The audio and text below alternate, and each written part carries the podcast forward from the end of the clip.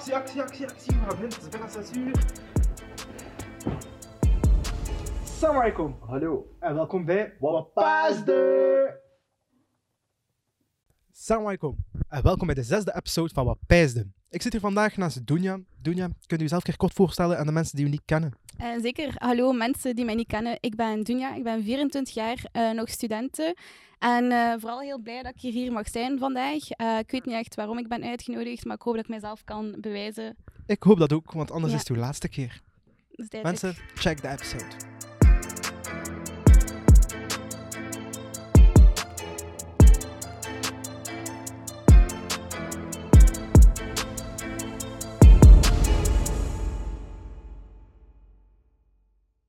Assalamu alaikum. Alaikum salam. Dag Ferida. Alles goed? Alhamdulillah met u. Alhamdulillah. En, wat brengt u hier naar de studio? Eh, ik heb me gesmeekt om te komen om een episode te recorden. Dus ik dacht van ja, het is Ramadan, ik ga je een plezier doen. De minder bedeelde... Ja, het is hassanet dat ik nu aan het Kijk, verdienen ben de hele tijd. Oké, oké, oké. Ferida, met wat hou je eigenlijk bezig in het dagelijks leven? Eh, momenteel met mijn bachelorproef, maar tegelijk eh, ook bezig met kunst. Kunst. Oké, bachelorproef. Wat studeerde? Journalistiek Journalistiek. En je doet ook kunst daarnaast. in mijn En- vrije tijd. Wat voor kunst? Eh, nu schilder ik vooral. eh, maar daarvoor deed ik ook digitale kunst, eh, een beetje graphic design. Dus ik probeer eigenlijk sowieso een beetje van alles te doen. En schilderen. Is dat dan gewoon met verf? Of is dat met graffiti? Of... Ach, Ik wens dat ik graffiti kon doen. Ik wil dat sowieso in de toekomst proberen, maar nu is het vooral ja, met verf. En meer specifiek acrylverf. Acrylverf. En wat is dat juist, acrylverf? Want ik ben iemand, ik weet totaal niks over kunst en over... Ehm, verf die ik ben er nog nooit ge- door geweest voor chemie, dus ik kan u echt niet zeggen wat acrylverf is. Maar Is dat van dat dikverf, of is dat dun verf, of is dat waterverf? Of... eh, ja, dat is dikke verf en je kunt dat mixen met water. Dikke verf. dikke, vette verf, ja. Ja. Eh, je hebt ook een expo, heb ik gehoord. Ja, dat klopt. Eh, vanaf 21 mei eh, gaan er een paar kunstwerken van mij hangen in het eh, Fotomuseum in Antwerpen. Fotomuseum. Yes. Top, top. Heel cool, kan het nog steeds niet En hoeveel geloven dagen is eigenlijk. Eh, het is van de 21ste tot en met de 30ste mei. En in Antwerpen, waar precies in Antwerpen? in het Fotomuseum. En dat is dicht bij de Vlaamse Kaaien. En hoe heet de tentoonstelling? Het is Nightwatch. Nightwatch. En het thema is escapisme. Dus En eh, de datum? Misschien voor de mensen thuis als ze willen gaan. van eh, 21 mei tot en met 30 mei. Top, top, top. Kunst. Hoe zijn Mhm. daarop gekomen om u met kunst bezig te houden? Is dat iets van kleins af aan je mee bezig bent geweest? Is dat iets... Eh, in 2012 kwam er eh, het vervolg van eh, Avatar The Last Airbender. Die serie noemde The Legend of Korra. Dat was op Nickelodeon. En ja, ik was daar gewoon beginnen kijken en ik zag zo die achtergronden, de muziek, de, de characters, de animatie. Ik vond dat gewoon zo ziek. Ik dacht van, ik wil dit doen, ik moet dit doen. Dus eh, was met mijn mama naar de boekenbeurs geweest en er zat daar een hele sectie van ehm, ja, tekenboeken eigenlijk. Ik heb daar mijn eerste schetsboek gekocht. En dus sinds 2013 dan beginnen tekenen. En is dat begon, dat is begonnen met tekenen Ja. en dan geëvolueerd naar verven. Ja, dan, eh, ik zat in het vijfde middelbare, dacht ik. En ik had eindelijk wel een beetje meer tijd om ja, weer terug te tekenen. Ik was even gestopt. En eh, er lag een canvas thuis. Ik heb gewoon verf van mijn mama gepakt, want zij is kleuterjuf. Wij hebben dat thuis. Een hele zolder vol met knutselgrief. En dan gewoon beginnen verven en ik hield ervan. Ik was direct verliefd. En is dat een specifieke stijl dat je dan ook hebt, of verschilt dat altijd? Ehm, ik frustreer mij soms een beetje dat ik net geen stijl heb, omdat ik... Ja, soms is dat abstract, soms is dat cartoon, soms is dat realistisch, semi-realistisch. Ehm, het is een blessing en een curse om zo Ja. van alles te doen. En de rest hadden we het over uw expo. Hoe zijn je daar terecht gekomen en hoe zijn die mensen met u in contact gekomen? Eh, er was eigenlijk een vriendin van mij, Koutar, zij is fotografe. Ze had mij een berichtje gestuurd van de open call en ze zei van, kijk, doe mee, die kiezen nu sowieso. En ik dacht van, ja, ik weet niet, hè. ik ga gewoon proberen en ik ga zien. En eh, ja, direct een mailtje gekregen voor een gesprek. En een paar dagen later van, ja, proficiat, je zit gekozen. Top. En hoeveel kunstwerken mocht je dan zo klaar hebben voor zo'n expo? Ik mocht zelf kiezen. Eh, ik had eerst voor zeven stukken gekozen, maar dat was een beetje te ambitieus. Eh, ik heb me nu beperkt aan vier stukken. Ik ben wel nog niet aan de vierde begonnen, dus ik heb wel een beetje stress nu. En hoe lang zijn je bezig aan zo'n kunstwerk? Omdat Soms eerst kan zeven dat- en nu vier. Ja, waarmee, ja, de stukken nu, daar zit ik toch wel, eh, ben toch wel een aantal weken bezig met dezelfde hele tijd. Maar ik kan niet, hoe zeg je dat, aan één hoe zeg je dat? En één stuk. En één stuk zo heel lang werken. Ik, ik moet switchen, want Ja. na een tijdje zie je de fouten niet meer. Na een tijdje ben ik ook zo'n beetje beu. Ehm, dan heb ik er geen zin meer in. En ehm, ja, dan switch ik gewoon. En ben je soms ook helemaal opnieuw? Heb je zoiets zo van, fuck, dat is het niet, ik ben gewoon opnieuw? Ik heb zo mijn tweede stuk dat ik eigenlijk niet zo blij mee ben. Ik wil opnieuw beginnen, maar ik heb geen tijd. Verf is duur, hè. Verf is super duur. Oh Hoeveel my kost god. dat zo, zo typisch? Eh, de laatste keer, kijk, ik ben zwaar geript geweest.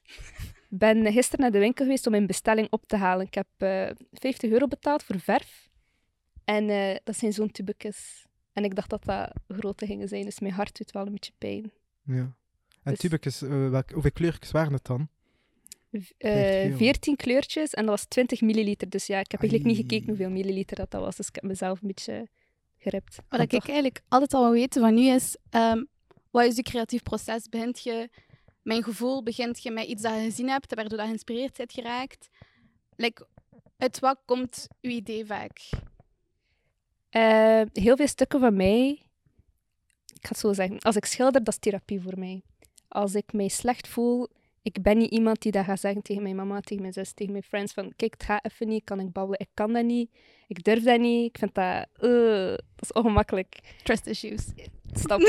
en, eh, ehm, dus ja, voor mij is dat een manier om mijzelf uit te drukken. Ik ben heel cryptisch met mijn kunst. Voor mij is het heel duidelijk wat de boodschap is, wat ik voel. Eh, maar naar de buitenwereld is dat gewoon... Ah, dat is een leuk manneke. Tof. Maar Ja. eigenlijk zit daar een beetje een verdrietig verhaal achter. Ja. Ehm, dus ja, het creatieve proces is meestal dat er iets gebeurt of ik, ja, inderdaad, een bepaald gevoel. En ik ben ook heel slecht met woorden, dus dat is gewoon beelden in mijn hoofd en ik, ik zet dat om. Het is een beetje een tweede taal, hè, dus. Ja, eigenlijk wel. Ja. Ja, Ze zeggen dat toch, beelden spreken meer dan woorden?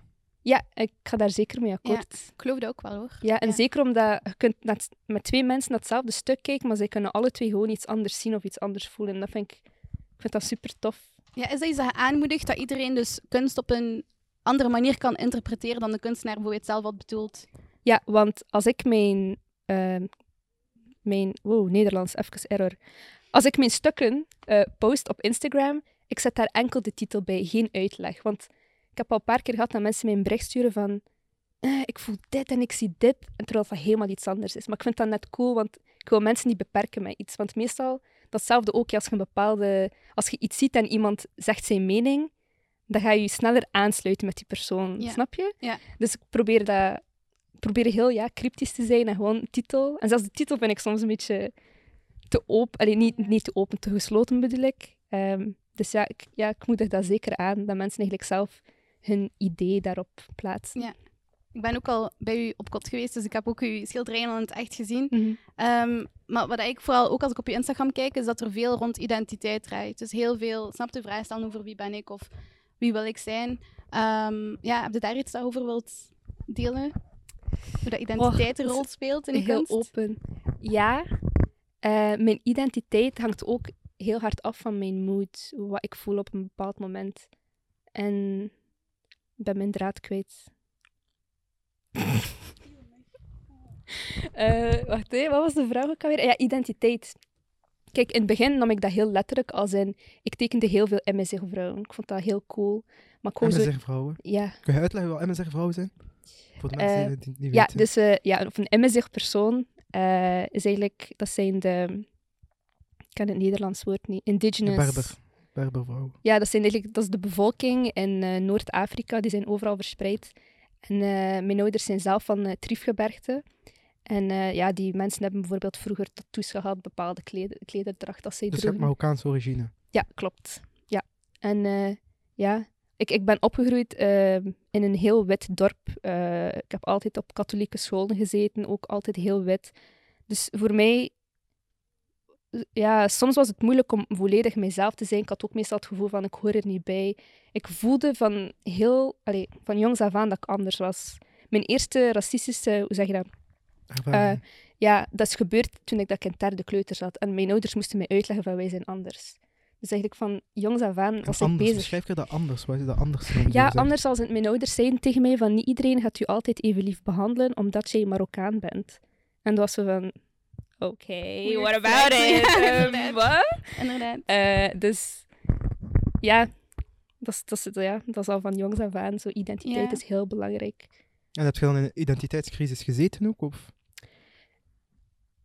Ja, toen ik in het lager zat, ehm, ben ook zoveel gepest geweest en ik had altijd zo het gevoel dat is omdat ik anders ben en zo.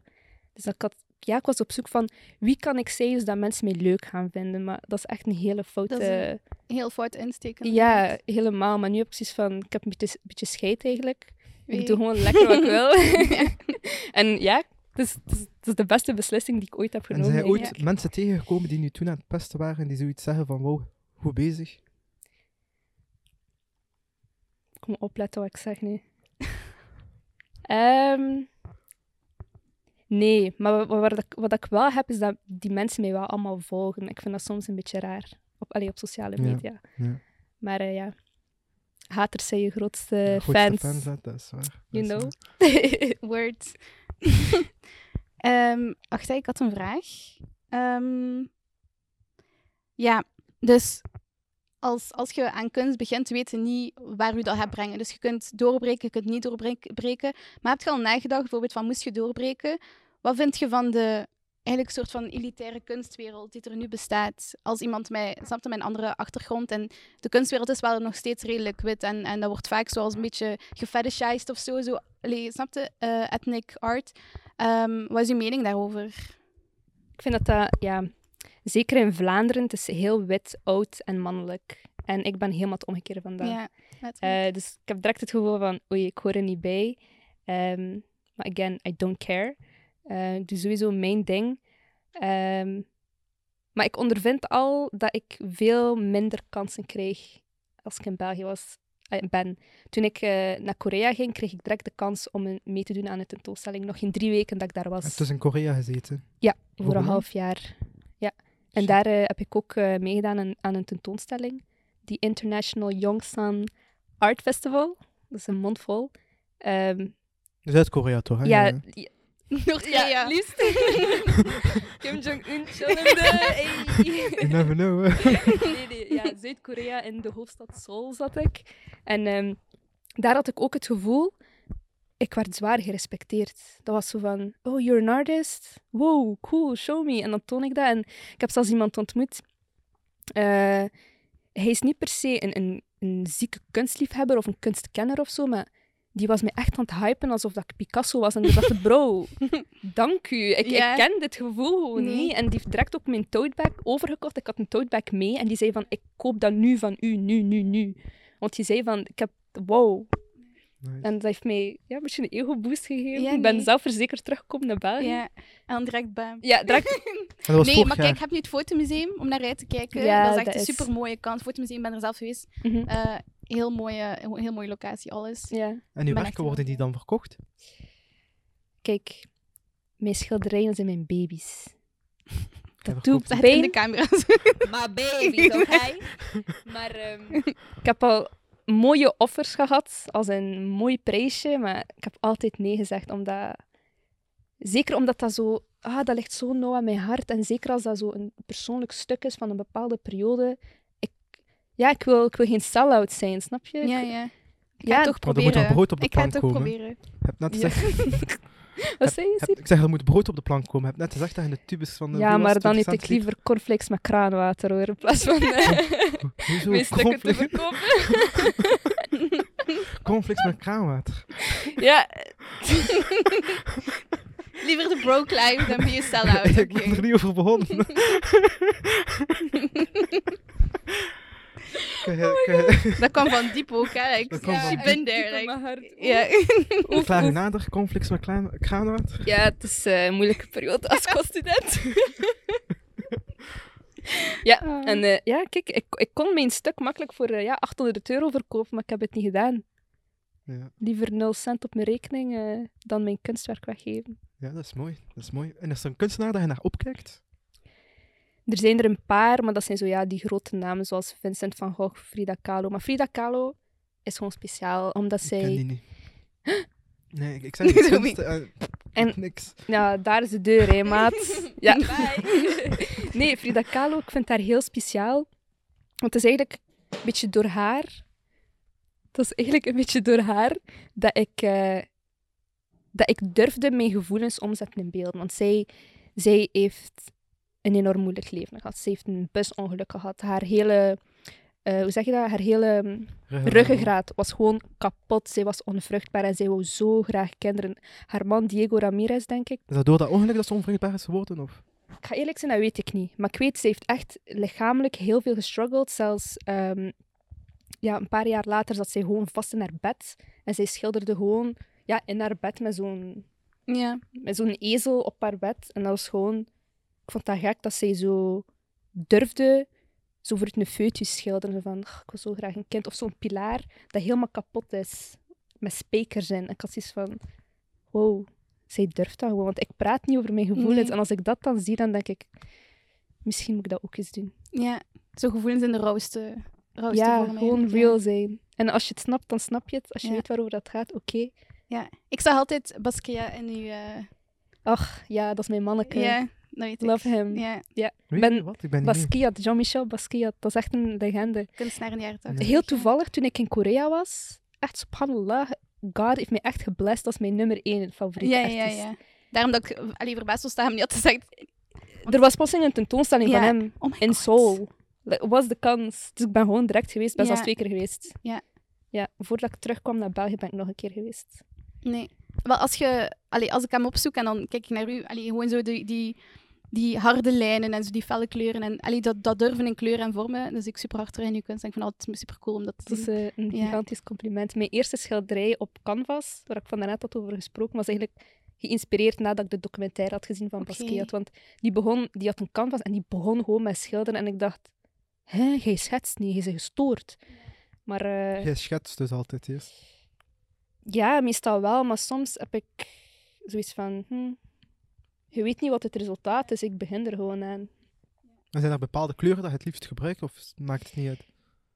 Ik hou van primaire kleuren en ehm, complementaire kleuren. En complementaire kleuren zijn bijvoorbeeld oranje en blauw. Want je hebt zo, de, zo het kleurenwiel. En zo de kleuren die constant zo tegenover elkaar staan, zijn Ja. complementaire kleuren. Ik kan even niet praten. Dat is oké. Dus ja, heel cool. Ik vind dat heel leuk om naar te kijken. Dat maakt mij blij. Snap ik, snap ik. Mhm. Je, zit een, je studeert journalistiek, zei je er juist. Is dat hier in Gent waar je dat doet? Ja, in Partyvelden. Partyvelden. Hoe lang woon je al in Gent? Ik zit al, dit is mijn derde jaar op kot. Derde jaar. En do you like it? Ja, eh, maar mijn eerste jaar op kot zat ik eh, een beetje in een rare buurt. Ehm Welke buurt? Aan het zit, ja. ja, zei het. Aha, oké. Eh, ja. ik, ik wist het niet. Ik wist Ja, je wist niet. het niet. Als je nu van hen zit, weet je dan Ik wist het niet. Nee. Totdat ik op een dag eh contract was getekend. Ik had verhuisd met mijn mama. En... Dus je gaat dat niet eerst gaan bezichtigen? Nee. Ja, jawel. Maar ik ging langs de andere kant in de straat. En ik zat in de auto met mijn mama en we rijden door. En ja, we zien die vrouw achter de ruit. En mijn mama zo van... Wat?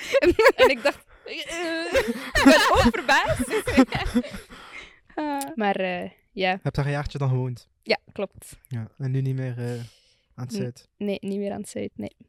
Oké. Ik Wil je adres alsjeblieft zo kan zo je adres hier Mijn adres? nee, nee, nee. Nee, Nee, maar, wat zeg leuk. maar. Nee, nee, nee. ik niet, hè. Nou, niet doen. Oh ja, al mijn fans gaan aan mijn deur staan. Dat is niet nodig. Kun je nog een keer de datum herhalen wanneer dat we naar uw expo kunnen? 21 mei tot en met 30 mei, kom please. Kijk, ik wil u hart bedanken. Merci voor uw aanwezigheid. En dan gaan we door naar de volgende gast, hè. Thank you. Hamza. Assalamu alaikum, Hamza. Alaikum salam. How are you doing? Hele goeie. Tamam. Thank you. You doing good? Alhamdulillah. Yeah, I'm good. So uh, now we're going to speak English because Hamza is not from uh, Belgium. Where do Mhm. you come from, Hamza? Well, actually, I'm originally from from Palestine, uh, and I've been here uh, since well uh, November 19. Uh, sorry, 19. What? Uh, November uh, 2019. 2019. Yeah, and uh, then Corona hit. Uh, I haven't had any interaction with the outside for uh, about a year, so I didn't learn the- language Yeah. No, it's totally understandable. Yeah. But now you're here with us, having some interaction. Uh, Yeah. Um, you do uh, calligraphy art. That's your speci- specialty. Yeah. Um, do you want to explain what that type of art actually is to people who don't know? Yeah, of course. Uh, well, actually, to be specific, it's calligraffiti, Oh, what I do. Uh, it's a fusion between calligraphy, which is uh, the the art of uh, beautiful handwriting, and the, the graffiti, which is basically any visual artistic act on, a, on any wall. So mixing these two, you come up with the calligraffiti. Uh, it's like uh, more of a, a free school from the calligraphy because calligraphy itself it's uh, very strict. Uh, but with the calligraphy, you break the rules in a certain way Yeah. uh, to be more like uh, with the vibe of the street, Yeah. of the street art. Yeah. No, sounds amazing. Yeah, and recently, uh, since uh, like uh, five years uh, ago, since five years, uh, and a friend of mine we developed something called digital calligraphy. Uh, we use it uh, to project uh, what we write live on buildings, on facades, on anything. So yeah, here in Ghent, I did uh, two performances of digital calligraphy and I think I made one or two pieces of uh, calligraphy, normal uh, calligraphy on, on walls. I mean, It sounds super interesting and amazing. Um. And in Palestine, um, is there a big scene for it? Do a lot of people practice in calligraphy art, or you, are you one of the uh, founders to say it like that? Well, I don't like to to call myself a founder, but Yeah. uh, yeah, I was one of the early people who did the calligraphy. But calligraphy as a discipline, it was there for for a long time. Uh, especially the calligraphy itself, it's one of the major cores of the Arabic uh, literature. Let me say. Um, so yeah, uh, I when I skipped the between quotations the classic school of calligraphy and started to drift toward the street more. Yeah. Uh, yeah, I think I was uh, from the pioneers, Cool. but not the pioneer. Yeah, I refuse to call myself. Yeah, yeah, yeah, yeah. And how old are you now? Uh, I'm a little bit old. Yeah? Yeah, you I'm don't 40. want to, you didn't want to go not into. No, I'm 40. specifics, It's all yeah. right. That's all right. It's not old. Yeah, no, it's it's super uh, young actually. No. Um, what I wanted to ask you also is that uh, in Palestine, uh, we know that there is a big wall, you know, Palestinian border wall, Yeah. and we know a lot of people practice graffiti on on it. Uh, a lot of international uh, artists also like to visit that wall to uh, do their art. Like Banksy is one of the most important uh, Mhm. examples. Um, did you also uh, visit that wall or uh, practice some art on it? Okay, now you hit a sensitive uh, nerve. Okay, Okay, especially for me. okay. And uh, also, you can choose to talk about it. no, I, I will talk Yeah. about it. I, Yeah. Actually, uh, I was waiting for this question. Okay, okay. okay, yeah, Uh, well, first of all, it's not the border wall as you call it. It's an apartheid wall. yeah. No, I totally yeah agree. Uh, the Israeli built it inside West Bank. Uh, so even after the Oslo agreement that they agreed to give uh, all lands that were occupied after uh, 67, they also took uh, more land building that wall. So in any form, it's like an occupational wall. Okay, Yeah. this is one part. Uh, second part, it's like uh, as I told you, it's an apartheid wall because uh, me as a Palestinian, I can't cross this wall unless I have a permit, which is like super hard to get, unless you are uh, between quotations also Yeah. clean Yeah. in the Israeli way, Yeah, and most Palestinians we are not Yeah. clean in the Israeli way. Uh, so yeah, this is uh, what I really hate about this wall. yeah, Uh, let's go back to Banksy. I really respect what he did in 2007 because the wall was uh, starting started to be built, I think, in 2005, and nobody in the world knew about that wall uh, up until Banksy came and did his some some of his graffitis on the wall. So uh, at that time, when you Google the word "the wall," you will get like two results on the on the photos on Google yeah, uh, you will get the the wall by Pink, Pink Floyd, the album, and the apartheid wall because of the uh, Banksy's Yeah. uh, graffiti. Yeah, but uh, that was it. Like uh, for like uh, the next two to three years, yeah, it was important to people and come and do graffiti on the wall, but not anymore. Okay, it's not For me, I much. refuse to do anything on the wall, and I wrote like uh, three or four articles about that. Okay, Like because mainly it's not our wall, no, and uh, most of the messages written on that wall yeah, against occupation should not be directed on our side, on the Palestinian yeah, side. it should be on the other, on other side. yeah, it should be on the Israeli side. So because we don't want occupation, yeah, they are the one who's occupying us. yeah, So they need to read the message. It's like writing uh, messages against your jailer inside the cell yeah, of a jail. Yeah. They will not see it. no, No impact will uh, No. will happen. Uh, you can't fight a cancer by just drawing a flower around yeah, the tumor. yeah. It's like performative activism, kind of like it's not really. Yeah, it's just a stunt. Yeah, That's what I consider it. yeah, okay. No, it's interesting to hear your take about it because I don't know that much about you know how the Mhm. how the wall operates or or what the people's opinions uh, are about it. But um, oh yeah, You you from to ask a question. you from Pal- Palestine? Yep. Uh, which side of Palestine you are? Uh, okay, so my father came from a city called uh, Hebron, Al Khalil. My mom is a refugee from. Uh, she was born in Jordan, but originally she's from Jaffa, Jaffa. Uh, they met in Lebanon. I was born in Lebanon, but I was raised in Jordan. Then I lived, I lived in Ramallah. Yeah. So, I think I'm from Palestine. Yeah. I Yeah. can't Yeah. say I'm from here or there. Yeah. no, But yeah, most of my life I've lived. Uh, I lived it in Ramallah, so I think I might consider myself from Ramallah. yeah, And it's are in the you, West Bank. Are you a refugee or No. No. I'm not a refugee. My mom was a refugee. Yeah. In Jordan.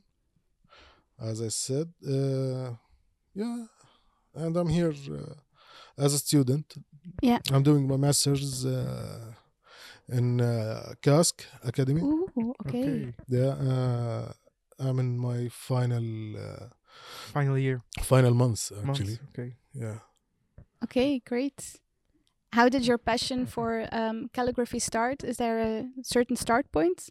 Okay, so I think uh, my passion to calligraphy started from me liking the calligraphy itself, but since like uh, it's a it's a kind of uh, this art form that has so many rules and very strict.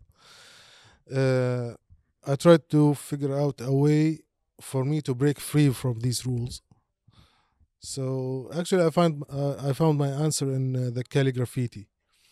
It has the free spirit of the graffiti in the street and it has the the beauty of uh, the anatomy of letters in the arabic calligraphy where i started actually the arabic calligraphy then afterwards i uh, also practiced a little bit of uh, the latin calligraphy uh, yeah uh, recently i'm trying to to crack the code of the Asian calligraphy because it's very interesting. Uh, but it's like uh, it's very interesting but intimidating at the same time. Yeah. Int- intimidating? How? Like uh, it's like a huge thing, you know, and you might be afraid of it. Yeah. Yeah. Yeah. And is there a graffiti al- artist you like? Yeah, me. Humbleness is overrated anyway. Yeah, I'm not humble. yeah. Same thing. um, uh, are there other types of art that you really admire that you maybe want to get into yourself? Uh, well, actually, uh, aside from uh, calligraphy and graffiti, I really admire sculpturing. You know, uh, yeah, sculpturing and uh, video art. Uh, I tried to play some music, but uh, I didn't have any luck with that. So yeah, I think uh, actually, uh, if it wasn't for calligraphy, I would be a sculptor now because Okay. I also like went there. Yeah, it. yeah. yeah. I practiced ma- many steps with it. Okay, great. Interesting. And I want to ask you something about the situation right now in uh, Philistine, in Mhm. the Gaza, and in um, uh, Jerusalem. What you thought about about the whole situation? Mm, interesting. Well, uh, there's a neighborhood in uh, Jerusalem. In Al Quds called uh, Sheikh Jarrah. Uh, it's a Palestinian neighborhood in the land that was occupied in 67. So, based on the agreements of the peace talks, it should go to the Palestinians. Yeah. But the Israeli government decided to give it to the settlers. So, uh, many settlers, Israeli settlers, went to Sheikh Jarrah and try to kick out the people who are living in their houses to steal their houses. Like are, uh, the social media is full of videos. Uh, nobody can deny it. Uh, after the escalated situation in uh, Jerusalem, other cities in Palestine started to riot too. Uh, not just in between quotations the Palestine with the agreements like the 67 between quotations also the six, uh, the the West Bank no the whole, the historical Palestine. Like uh, Jaffa uh, Arco Akka Haifa Yafa uh, Asqalan uh, Umm al-Fahm. There are cities in in historical Palestine aka Israel. So Palestinian people who are living under the Israeli government also rioting against uh, the wrongs that the Israelis are doing in Jerusalem. Uh, on the other hand, there was Gaza. Gaza, since it's uh, in a siege for quite a long time, uh, they managed to build up their uh, their power and their uh, missile power. They started to shoot Israel with rockets in uh, like as a reaction for the their politics against Jerusalem and against Gaza too. Yeah, the injustice, yeah. Yeah, the injustice and the airstrikes that Gaza is eating Yeah. every one, once in a while. hmm So yeah, Gaza is now trying to answer. Yeah, but we know that Israel has a immense defense system, so Yeah, they can't really get hit. Uh, but yeah, the other way around, it's not the same at all. and that's what uh, they are uh, they are trying uh, trying to cover. Yeah, uh, for every missile that's coming out from Gaza, there are like 10 or 100 missiles coming from Israel to, to Gaza. So there's a total imbalance between Yeah. the two parties. So it's not a war, it's a No. genocide. Yeah, yeah. You call it a genocide. Yeah, of course. You don't have any power. yeah, You, you only, let's put it this way uh, you only have a knife, and the one in front of you has a gun. Not just one gun, like two Ten. guns in their hands Yeah, and yeah. a laser pointer, and and you only have this knife. Can you call it a fight? No. no, you can't call it a fight. It's a it's like a massacre, a genocide. yeah. And what do you think of the international response? Like uh, they have called it like you you are entering like war crimes right now. Do you feel like the outrage is um, a little bit too little, or do you think there must be much more outrage uh, on the topic? Things will build up. In the end, uh, the landowners will win.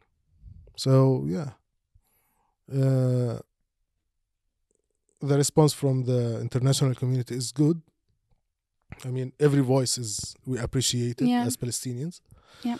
and we hope for we hope for more.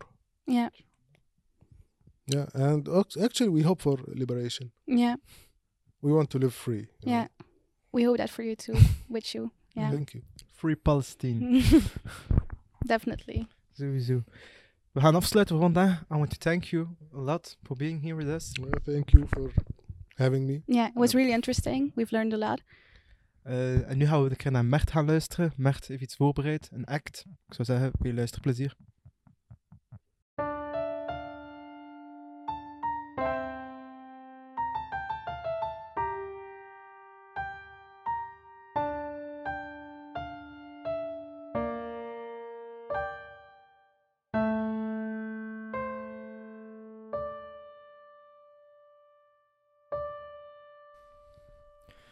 Bewonder het Palestijnse kind die nog lachen kan, waarvan elke bomaanval zijn hart wordt dichtgeklapt. Land per vierkante meter, stap per stap afgepakt. Elk kleine voetstap gedecoreerd met een kindergraf. Bewonder de lach van de Congolese vrouw, waarvan de handen van haar grootvaders werden afgehakt op zoek naar licht en energie. Voelend de duistere kracht, schijndemocratie gebracht in een zogezegd derde wereldland.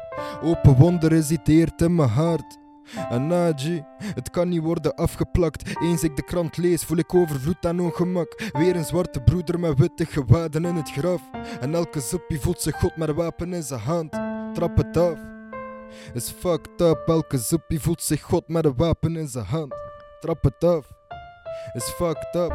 Media creëren een poppenkast op de achterste front. Chill op de achtergrond en laten meute spelen. Kapitaliseren doen de grote zakenman en bankenwereld. Spel van levens gebruiken ons als dobbelstenen. Verdelen en heersen waarden en normen superieur. Gewaand aan de huidskleur van een vreemde. Mijn borstkas scheurt, haar ontkleurd bij de beelden. En leiders blijven de grootste wereld vreemd. Alles behalve lijden verleiden ons tot we lijden. Lange ei, wij kogels, zij bezitten de magazijnen.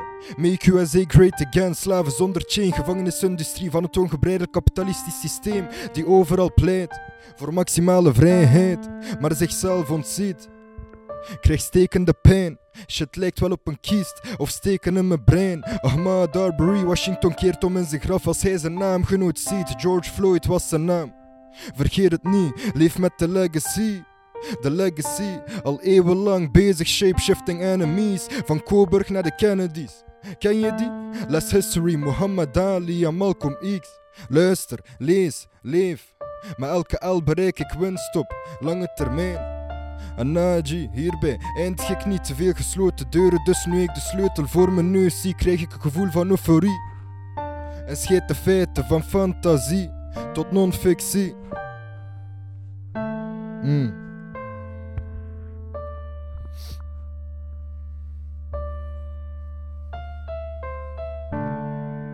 Mijn neef naam is Jihad, hoe raakt je aan een baan? Zijn baas vraagt van waar hij afkomstig is. Hij doet alsof Vietnam is zijn antwoord. Weet niet eens waar het land op de wereldkaart hoort. De wereld draait door, komt geen einde aan. Vrij banaal zijn achternaam bepaalt hem. Welke baan gaat op zoek naar extra kaas? Te vinden op de straat, op de laan tot s'avonds laat. De flieken staan paraat en profileren etnisch. Stigmatiseren minderheden, boys alterneren tactisch. Krijgen beelden in een schedel, geven door aan de volgende generaties open kaart spelen. Streven naar een beter leven, cyclus blijft zich continueren. Kunt er geen reet om geven of iets willen changen. Ik kies voor het tweede, zo opgevoed. Het zit in mijn genen. Degenen die ons leiden zijn de grootste criminelen, menen niets geven om ons, maar zijn wereldvreemd. Ik zweer het, frustreert me deze wereld. Kneden lukt nu als we geen deeg deftig verdelen en niet eerlijk willen spelen op de speelveld die we kregen. Als het noorden lag terwijl zuiden wenen en zweet. Als we blijven eten uit de kleine man zijn eten. Als we vooroordelen zetten boven ons geweten. Als we mens zouden zijn, en dat voor eeuwig. Als we mens zouden zijn, en dat voor eeuwig. Het noorden kwijt, humanitair of zo willen overkomen. Weet het zelf niet meer, mijn brein is aan het ontsporen, tranen in de ogen. Terwijl ik deze tekst schrijf, mijn mind lijkt soms op een harde schijf. Maar eerlijk, laten we voor één keer mens zijn. Huh? Mens zijn, want het doet pijn. En pijn voedt pijn. Leiden allemaal aan dezelfde lijn, dus laten we mens zijn. Meer niet.